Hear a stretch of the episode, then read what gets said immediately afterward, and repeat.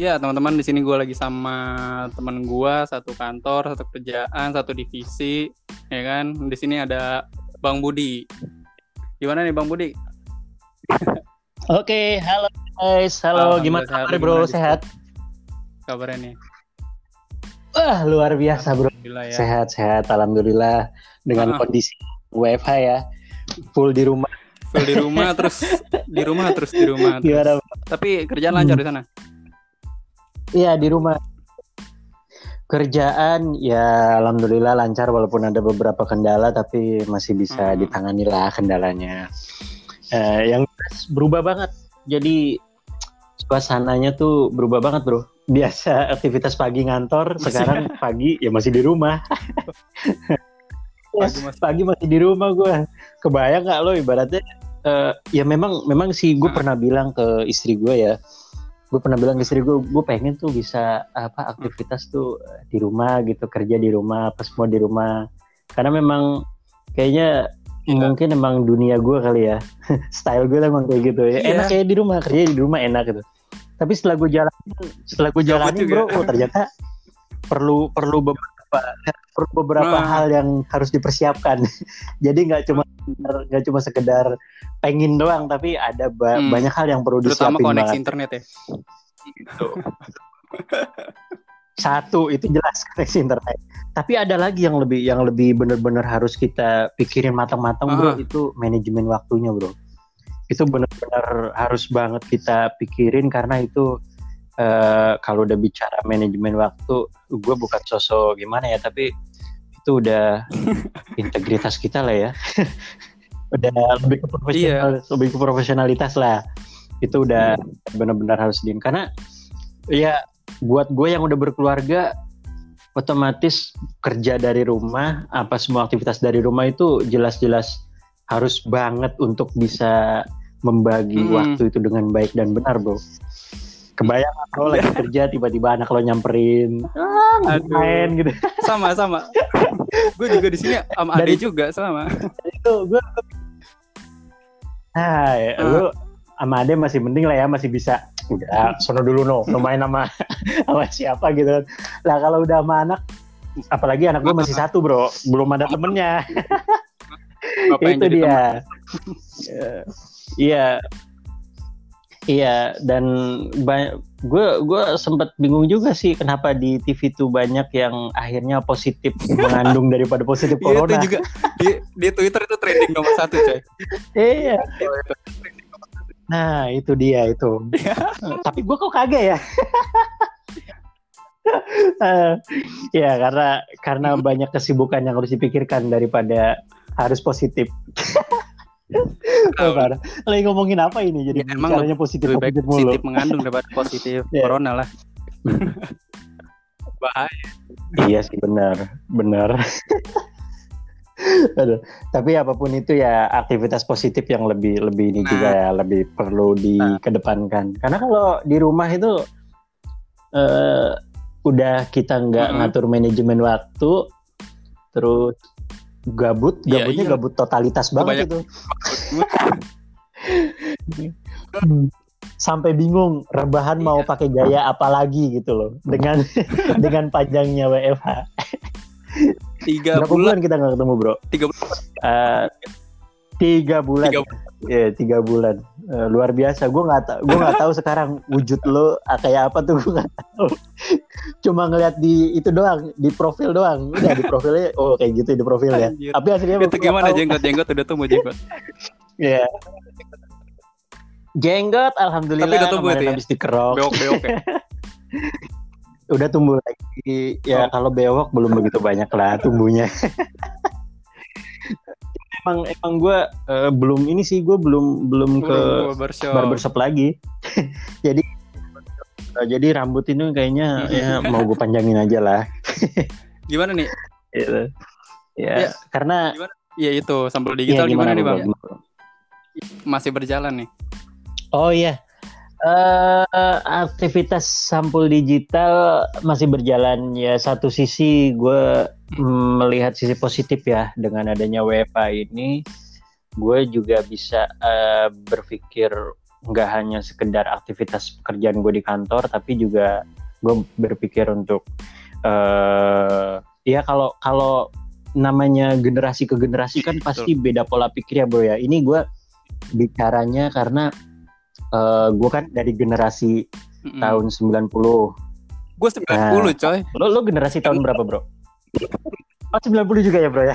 Gue sorry sorry sorry sorry. Ternyata ternyata tuanya kita sama ya. ya jadi gini kalau di generasi gue itu orang tua gue tuh agak-agak uh, gimana ya agak bingung dengan ya, orang betul, yang kerja betul, dari betul. rumah. Nah, uh, dengan adanya COVID-19 ini, gue melihat satu sisi sisi positif ya akhirnya nggak hanya orang tua gue tapi ya apa keluarga gue juga akhirnya berpikir bahwa kerja dari rumah itu ya memang sangat-sangat apalagi kerja kayak kita kan gitu. and kalau Iya, apalagi kerja-kerja kayak kalau kayak kayak kayak kita inilah yang memang berkecimpung di dunia multimedia ya, itu udah dari rumah itu sekarang udah jelas-jelas bisa banget terbantu. Sulit. Kalau kalau kita berbicara kayaknya nggak bisa yeah. dikerjain. Ya, agak-agak susah. Paling tidak ada alternatif lah alternatif yang bisa dilakukan kalau mm -hmm. memang ada kendala gitu. Karena ya perkembangan teknologi Betul. kan ya lo tahu sendiri lah cepet banget gitu. Kalau di generasi milenial sih kita nggak usah ngomong lagi gitu. Tapi kalau untuk generasi-generasi kayak kita gini yang 90 tuh agak-agak gimana ya kerja dari rumah tuh agak bingung. Karena kayak istri gue sendiri juga di apa masa-masa gua WFH istri gue juga ternyata gitu? ini masih masuk kerja. Terus kerjanya gimana dia? Di shift? Karena Terus kerja.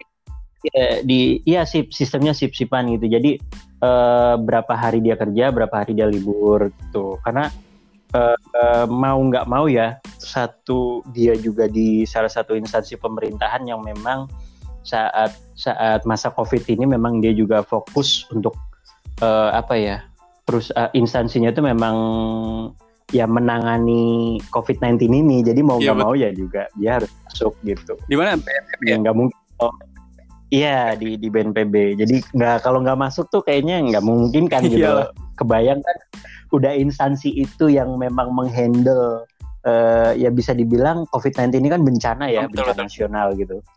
Hmm, jadi kalau instansinya dia yang menghandle bencana ini tapi uh, karyawannya nggak pada masuk WFH kan? Agak bingung juga ya. Agak janggal gitu. Tapi ya awal-awal sih gue sempet bingung juga. Vi ke sini sini ya ya udahlah. Ya, ya memang mau nggak mau ya namanya instansi. Ya udah tanggung jawab juga lah. Gitu. Tapi lo antar nah, ya? sampul digital bisa. oh iya gue ngantar pagi ngantar gue keluar. Uh -uh. terus ya gue balik. Kalau jemput kalau jemput itu kalau pas gue bisa jemput jemput kalau enggak ya paling dia naik taksi hmm. itu ya. jaga jarak lah ya nah bicara jaga jarak bicara sampul digital jadi sampul digital itu memang gue gue udah lama itu sebetulnya eh, apa punya konsep sampul digital itu jadi eh, menyediakan sebagai penyedia lah penyedia template template desain hmm. untuk Uh, fokusnya sih memang gue tuh ke UKM bro. UKM. Jadi gue melihat uh, UKM UKM di Indonesia ini kan makin hari tuh makin bertambah ya. Betul. Kita bicaranya nggak hanya dari segi UKM offline. Kalau menurut gue tuh nggak hanya dari segi offline yang dalam artian dia bisa buka toko, dia punya uh, apa ya store gitulah yang benar-benar nyata. Hmm. Tapi juga di dunia online kayak e-commerce gitu kan ya, di masa-masa WFH ini kan benar-benar terbantu banget kalau menurut gue walaupun si buyernya itu agak-agak ragu-ragu ya kalau misalkan dia belanjain uang dia hari ini apakah bulan depan tuh bisa tercover apa enggak gitu kan. Tapi uh, apa apa pun itu ya e-commerce itu masih ada masih tetap banyak peminat lah. Baik dari segi yang dia mau jualan di e-commerce itu apakah dalam artian dia tuh reseller atau dropship. Hmm tapi bayarnya juga atau pembelinya juga tetap ada. Hmm. Nah, gue melihat itu uh, sebagai satu peluang. Paling paling yang gue sorotin itu adalah di mana e-commerce e-commerce yang pemula ya khususnya ya. Gue nggak bicara e-commerce yang memang dia dari segi modal itu uh, apa? Uh, dia memang kuat dari segi modal. Jadi kayak pebisnis-pebisnis online yang masih pemula itu kan mereka bener-bener ibaratnya ya udahlah yang penting gue jalan dulu aja gitu loh. Gue jalan dulu aja. Tapi kayak kayak mereka belum belum berpikir secara detail logonya gimana terus iklan cara dia membuat iklan di WhatsApp di Instagram atau di Facebook atau di website itu seperti apa.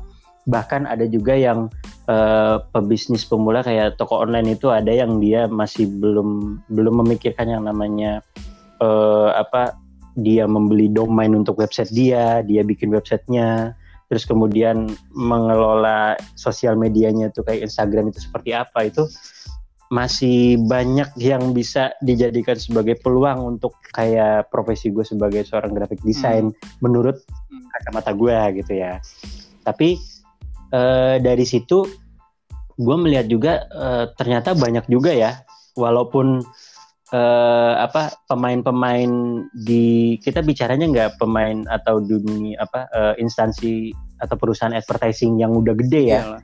kita bicaranya ya kayak misalkan kayak gue gini lah uh. ya UKM yang masih yang masih skala skalanya ya menengah ke bawah lah masih yang ibaratnya pemula-pemula gitu uh, gue melihat walaupun banyak yang kayak desainer-desainer itu masuk ke dunia itu tapi dunia desain itu kan bisa dikatakan banyak sekarang mereka para desainer itu belajarnya itu secara otodidak bro. Iya kebanyakan kayak gitu sih bang.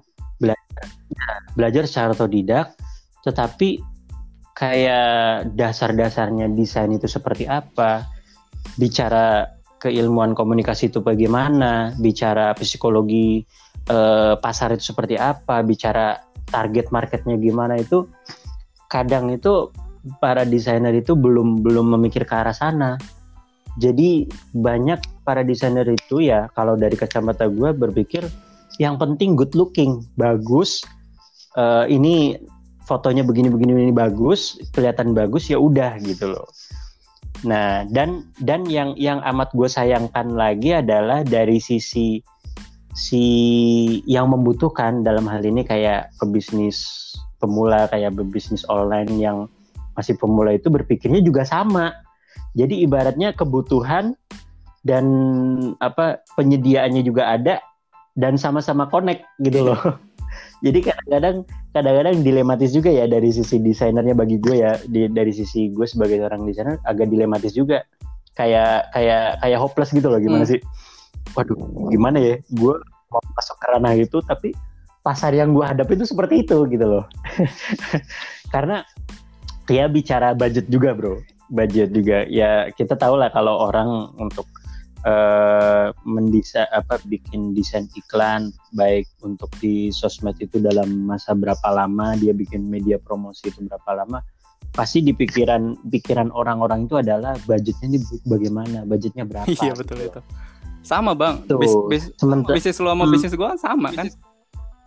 Iya, hampir hampir sama lah, hampir sama. Kadang kurang lebih ya yang dihadapin seperti itu. Iya, kadang orang juga nggak tahu gitu apa yang kita kerjain. Kayak, kayak contoh nih, ya cuma desain doang, berapa sih paling gitu.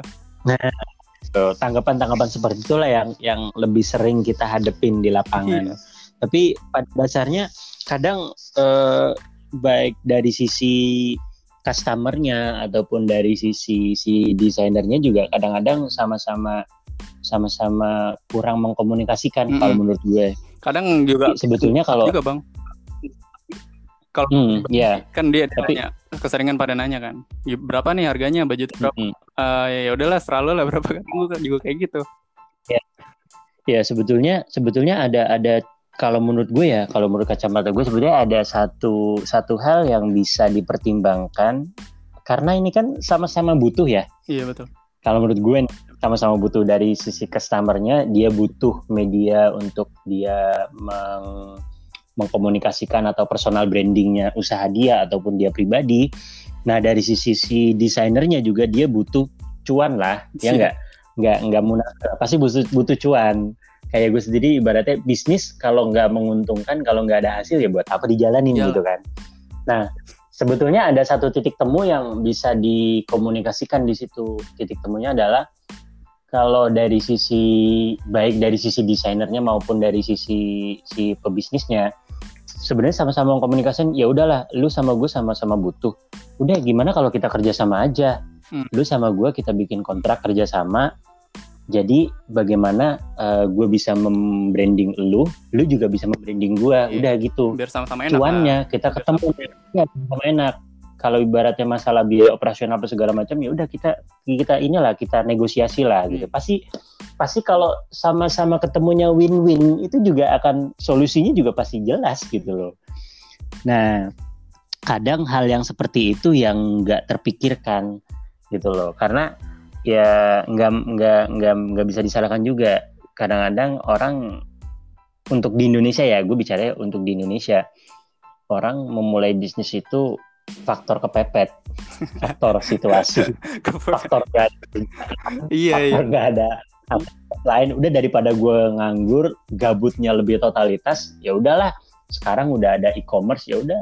Gue jualan lah yang di ya lo tahu sendiri e-commerce sekarang banyak kan yang label hijau label apa label orange itu udah jelas itu yang yang merajai. Ya udah dia jualan aja asal jual jual jual aja gitu loh. Kadang-kadang eh, nggak memikirkan eh, ini gimana ya mengkomunikasikannya ya ke pembeli gitu bagaimana? Karena di dunia digital itu nggak nggak bisa dipungkirin kita juga perlu belajar yang namanya copywriting. Iya betul betul. Kita juga perlu ya kita perlu tahu bagaimana eh, ya psikologi warna itu seperti apa terus kemudian eh, bicara dari sisi gue ya sebagai sebagai desain gue eh, berbicaranya ini pakai font yang yang pantas itu kalau untuk jualan itu seperti apa. Terus kemudian logo sebuah logo untuk bisa meyakinkan eh, so, se- meyakinkan customer itu harus seperti apa logonya gitu loh. Nah itu kadang-kadang yang jadi jadi hal yang ya bukan kendala ya tapi tantangan.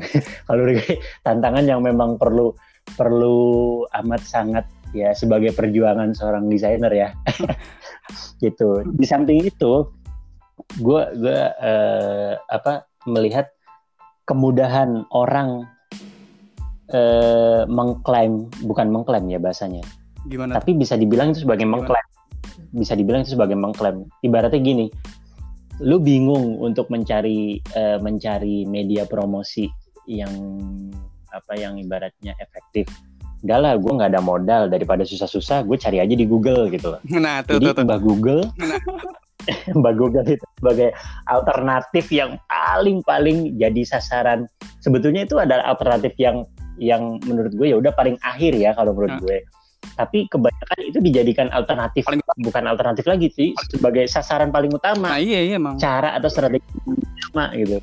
Google ya udah apalagi Google Image sekarang banyak, banyak banget kan. Ya udah tinggal ambil dia di Google dia eh, ya dimodif-modif dikit udah selesai dia pajang gitu loh. iya Sementara lu mungkin pernah dengar yang kasusnya desainer eh, dia gara-gara gara-gara font, gara-gara font aja dia kena denda 12 juta. ada sih ada itu Lu pernah dengar ya? sering Nah, ya itu.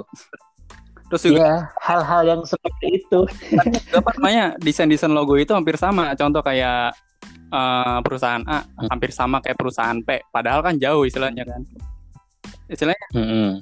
sama gitu gue sering lihat di YouTube juga tuh para desain desainer juga kayak gitu bahkan juga ada nih bang Mm-mm. eh kemarin sih lagi lagi trending sih kemarin. Tapi sekarang gua nggak tahu masih trending atau enggak jadi tuh ada eh apa ya kasusnya kasusnya itu ada rapper rapper luar negeri itu ya.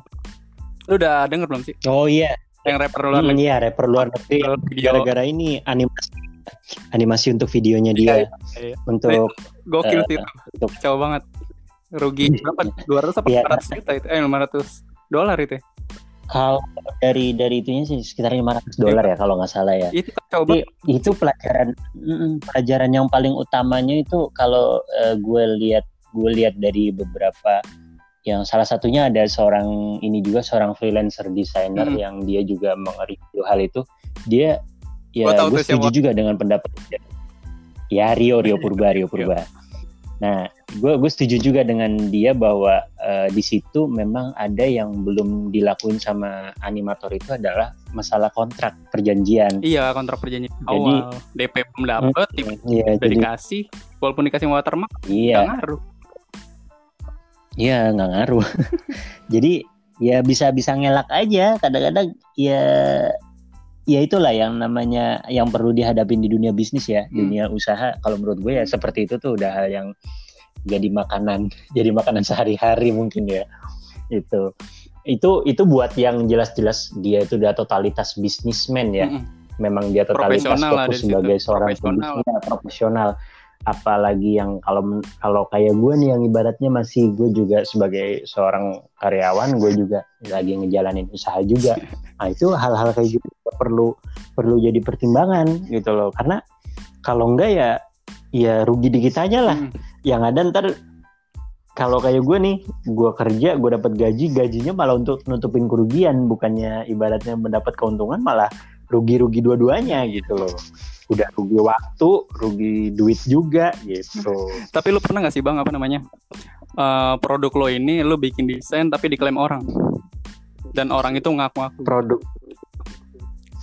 Kalau produk gua, gua, gua bikin desain uh, pernah, pernah sih pernah. pernah.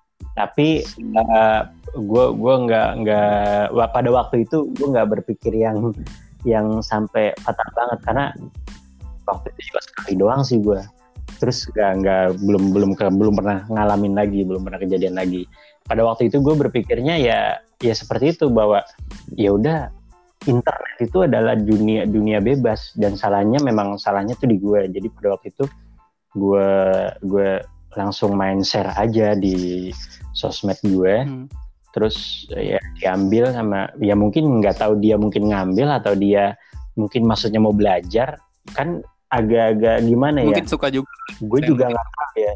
Iya, kan ibaratnya apa ya? Asas praduga tak bersalah ya mungkin ya bisa seperti itu karena ya itu tadi internet itu kan dunia yang bebas, hmm. siapa aja bisa bisa itu loh. Dan ya buat gue ya itu udah satu pelajaran aja lah buat gue pada waktu itu. Jadi dan untungnya gue ngalamin cuma sekali kalinya, belum pernah ngalamin lagi. Mudah-mudahan sih nggak ngalamin lagi. Jangan sampai lah ya ya mudah-mudahan jangan ngalamin nggak apa nggak ngalamin lagi hal-hal yang kayak begitu gitu. karena kan orang Indonesia prinsipnya kan nggak kan, enakan ya bang ya. Mau negor nggak enak mau nggak ditegor nggak tahu diri gitu kan. Kalau kalau dibilang nggak enakan ya nggak juga sih ya. Ya ada juga orang yang udah main tegor tegor aja gitu.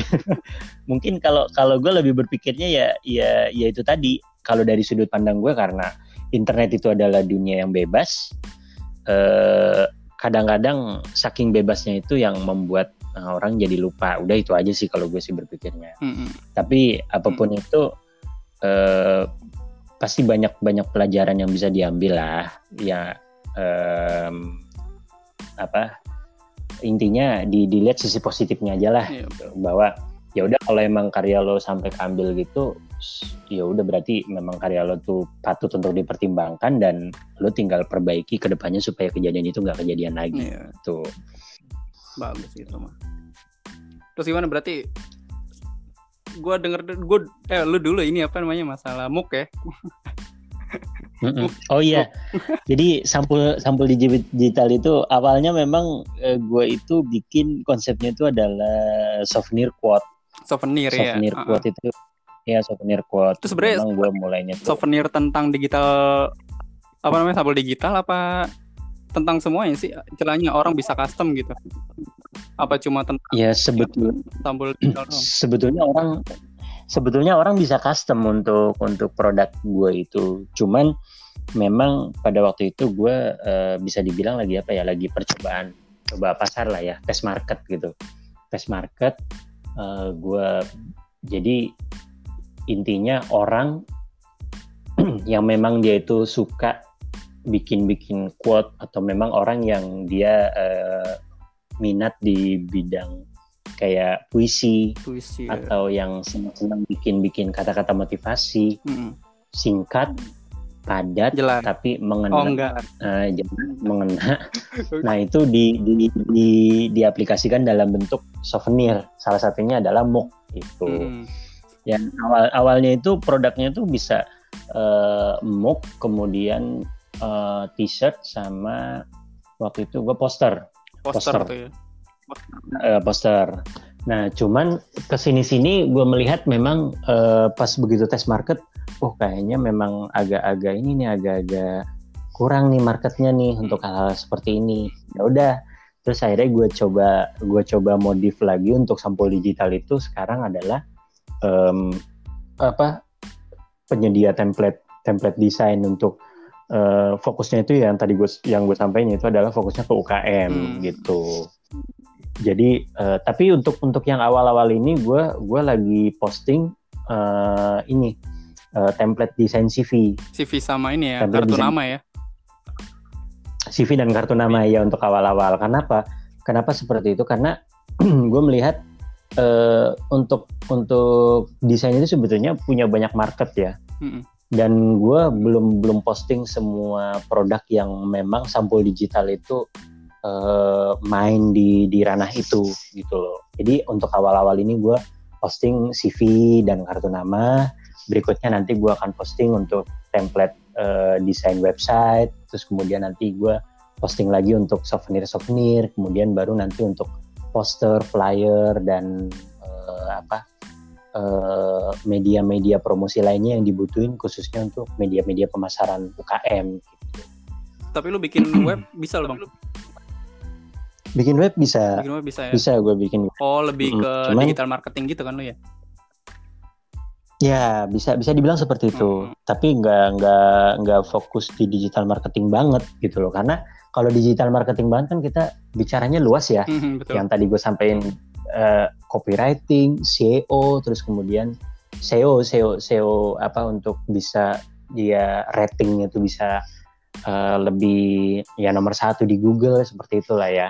Kalau digital marketing tuh luas banget. Hmm, kalau mungkin kalau gue tuh uh, lebih mainnya ke apa lebih ke uh, ini ya brand brand company brandingnya ya yeah, branding company brandingnya yeah, branding. uh, tapi kebutuhannya memang untuk uh, dunia dunia marketing gitu hmm. Tapi ini bang yang gue lihat dari CV lu kayaknya lu macem-macem ya lu pernah di IT ya kan terus apa di farmasi ya, yeah. industri farmasi. Ya, yeah, uh, ya karena uh, waktu itu gue gue lulus SMA itu. Tapi ini iya. Kenapa? Tapi apa nih yang bikin lu masuk ke desain ke dunia desain? Uh, jadi gini, tahun 2007 itu gue lulus SMA. Gue belum tahu tuh dunia desain itu seperti apa, gue belum tahu tahun 2007 gue lulus SMA uh -huh. terus kemudian gue sempet uh, jadi tutor juga di di uh, tutor itu jadi kayak kayak guru tapi bahasanya itu tutor kalau di uh. mungkin kalau lo tahu paket C paket C paket B paket nah itu Oh iya iya. Jadi iya, iya. pendidikan pendidikan yang paket A, paket B, paket C itu, nah gue ngajar lah di salah satu PKBM itu, di salah satu uh, PKBM hmm. di paket C waktu itu gue lulus SMA dan karena memang gue waktu itu belum bekerja di salah satu perusahaan, belum bekerja di perusahaan mana pun belum, dan gue ditawarin sama tutor gue juga sebelumnya, kamu mau nggak ngajar? Gue ngajar lah di situ di PKBM itu. Yang gue ajar waktu itu anak-anak yang bisa dibilang kurang mampu dan memang anak-anak yang secara apa ya, ya anak-anak jalanan gitulah, yang dari segi pendidikan tuh memang mereka tuh agak-agak yang nggak terlalu pusing nggak terlalu memikirkan banget gitu loh. Nah gue ngajar di situ nggak nggak nggak sampai dua tahun lah. Terus gue bekerja lah di salah satu uh, percetakan waktu itu nah ya di percetakan, percetakan dulu. dulu ya. Di percetakan itu gue jadi uh, apa ya kayak jasa penyedia jasa tukang ketik kayak gitulah.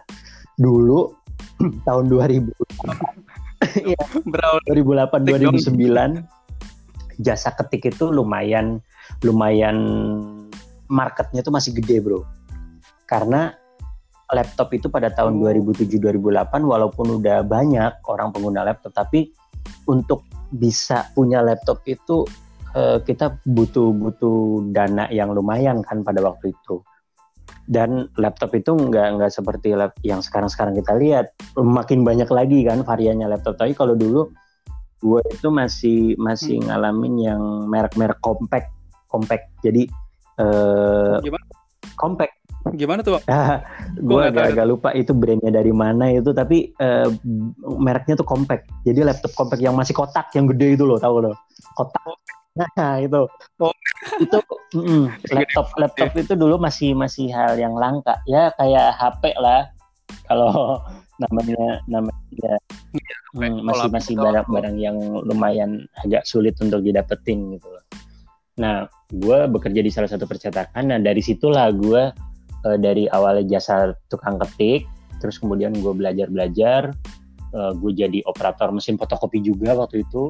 Terus akhirnya gue gue belajar lagi, jadilah uh, belajar belajar desain awal itu, desain desain masih pemula banget Nah dari situ gue akhirnya ngambil hmm. kursus, hmm. ambil kursus.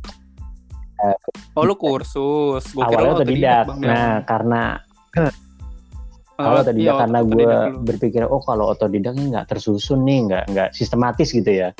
Akhirnya gue inilah me, apa ambil salah satu kursus di salah satu lembaga uh, kursus di dekat-dekat tempat gue kerja juga waktu itu gue ambil selama enam bulan nah dari situlah hmm. akhirnya uh, eh, gue waktu itu gue kuliahnya juga nggak nggak di bidang desain bro jadi tahun 2000 apa tuh? 2009 Lu, itu gue masuk kuliah di uh, Azara Universitas Azara gue ambil jurusan ekonomi. Uh, ekonomi. Anjir. ekonomi akutan, ekonomi akuntansi oh, dan ya. konsentrasinya tuh akuntansi audit. Nah jadi ya, jadi waktu itu gue berpikirnya ya udah yang penting gue bisa kuliah dulu dah gitu. Gue gue nggak nggak nggak mikirin uh, apa ya serumpun gitu ya pendidikan gue biar, biar satu satu hmm. biar linier gitu ya bahasanya. Gue nggak pikir ke situ. Jadi ya udah gue ini aja kuliah aja. Yang penting udah gue kuliah gue ambil ekonomi gue kuliah. Yang penting gue bisa kuliah gitu. Dan kuliah nah dari situ gue uh, gue dapet waktu itu gue dapet ini apa kayak ya beasiswa gitulah. Beasiswa. Karena dari hmm. paket paket C gue juga lulusan paket C waktu itu. Uh, gue dapat beasiswa semester 1 semester 2 sampai semester 3 lah waktu itu. Nah dari semester 4 sampai akhir itu gue bisa dibilang apa ya kacau lah. Kacau karena apa? Ya gue kuliah kerja akhirnya mulai mulai ngatur waktunya tuh mulai mulai ancur curhat. Mulai ribet iya, mulai gitu ribet. loh di satu sisi gue di, di dituntut pekerjaan yang target mau nggak mau harus terpenuhin tapi di lain gue juga harus mm -hmm. menyempatkan waktu untuk kuliah nah walaupun waktu itu gue kuliahnya juga sabtu minggu gitu tapi gue mau karena ada beberapa mata kuliah yang gue ketinggalan ya dengan dengan kacaunya gue ngatur waktu itu gue akhirnya ngambil juga di kelas malam di yang reguler reguler malam tapi dari senin sampai jumat jadi gue kejar-kejar ngejar mata kuliah juga yang ketinggalan gitu. Nah, dari situlah yang apa di semester 4 sampai akhir yang uh, gue dari desain itulah akhirnya gue bisa apa sedikit demi sedikit lah bisa bisa menuhin lah sampai akhirnya tuntas tuh. Ya. Nah, sampai ya. sampai sekarang Alhamdulillah S2 sekarang ya? S2 gue dapet dapet ini juga dapet apa ya support juga dari Institut Siami juga pastinya gitu. Ini promosi juga ya. promosi ya. Jadi gue gue dapat dapat ya inilah bantuan dari Institut Siami untuk ngelanjutin di program magister. Nah, gue kenapa gue mau ngambil di hmm. Institut Siami ya karena biar satu linier. Apa tuh? linier dan fokusnya juga gue ya yang penting gue bisa lanjut sampai S2 dan apa gue memang punya target gue pengen punya apa konsultan gitu bro oh hmm. tapi, ya. tapi kan lo bisnis kan apa apa iya gue ambil pajak, pajak. Ya? administrasi eh, uh, kebijakan pajak, pajak. Ya? itu gue pengen, pengen nyambung ekonomi, ekonomi ke pajak kan pasti nyambung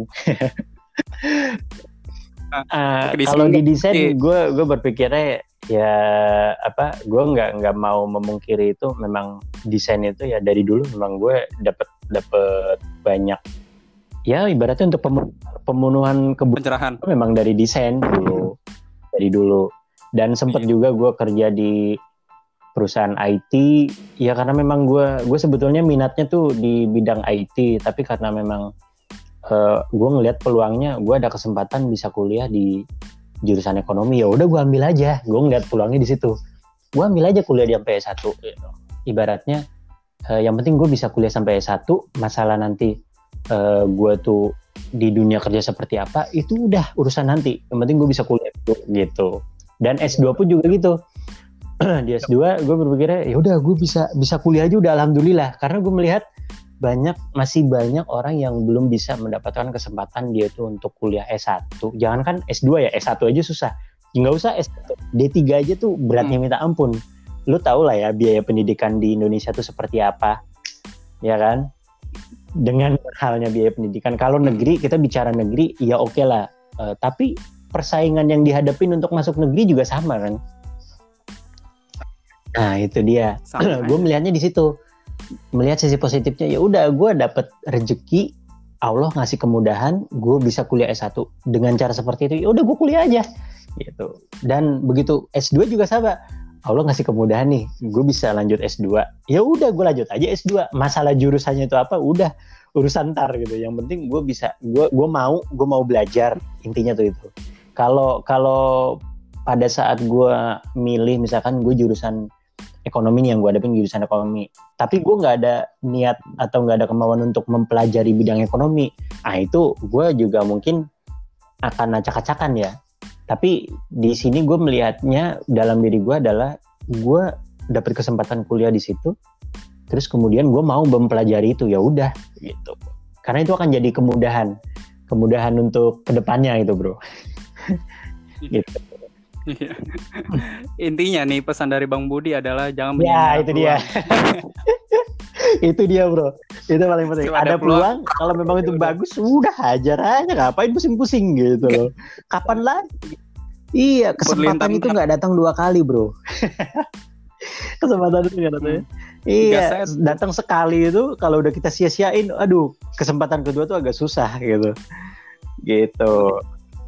Iya lakuin aja dulu. dulu. Gagal, susah apa itu udah nikmatin aja.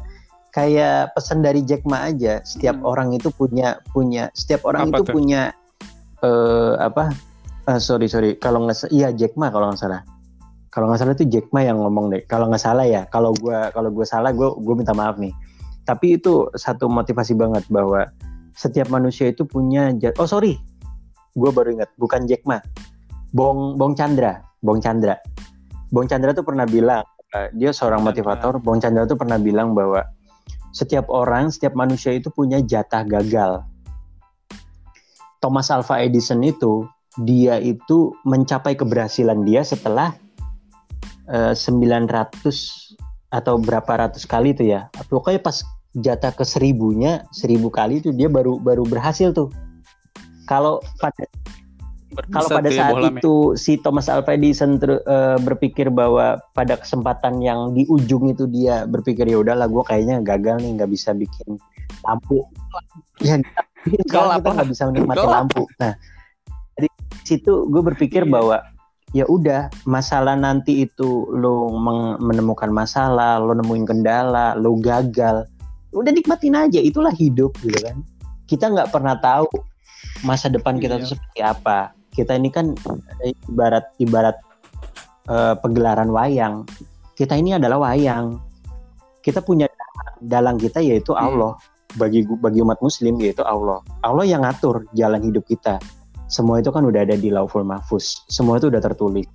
Ada takdir yang bisa dirubah dan ada takdir yang tidak bisa dirubah. Tugas kita ya udah memperbaiki at, uh, merubah takdir yang memang bisa dirubah gitu loh.